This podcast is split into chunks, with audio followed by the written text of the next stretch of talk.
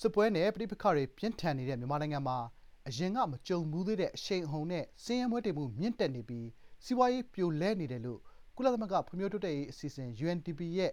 အာရှနဲ့ပစိဖိတ်ဒေသဆိုင်ရာညွှန်ကြားရေးမှူး Kenny Wagner Raja ကဝါရှင်တန်အခြေစိုက် National Journal ရဲ့မေးမြန်းခန်းမှာသောကြာနေ့ကပြောလိုက်ပါတယ်။ဒါဟာမြန်မာနိုင်ငံအနှံ့နီးပါးဖြစ်နေပြီးတိုင်းရင်းသားဒေသတွေမှာချည်းမဟုတ်ဘဲနိုင်ငံရဲ့အချက်အချာကျတဲ့နေရာတွေမှာလည်းဖြစ်နေတယ်လို့ဆိုပါတယ်။ မြန်မာမှာအရင်ကမတွေ့ဖူးတဲ့အတိုင်းအတာနဲ့အကြွေးနွံနစ်နေတဲ့မိသားစုတွေကိုအများအပြားတွေ့မြင်နေရပြီးသူတို့မှာမျှော်လင့်ချက်ကင်းမဲ့နေတယ်လို့ဒေသဆိုင်ရာ UNDP အကြီးအကဲကထောက်ပြပါတယ်။ဒါကနိုင်ငံရေးကမောက်ကမဖြစ်မှု၊လူ့အခွင့်အရေးကပ်ဘေးနဲ့စီးပွားရေးဘေးဒုက္ခသင့်နေတာပါ။ဒီပြဿနာကိုလူသားချင်းစာနာထောက်ထားမှုအကူအညီသက်သက်နဲ့ဖြေရှင်းနိုင်မှာမဟုတ်ဘဲနိုင်ငံရေးအရပြဿနာကိုအဖြေရှာရမှာဖြစ်လို့စီးပွားရေးနဲ့ဖွံ့ဖြိုးတိုးတက်ရေးလုပ်နိုင်ဖို့နယ်ပယ်အနှံ့ဖြန့်နှံ့ကြ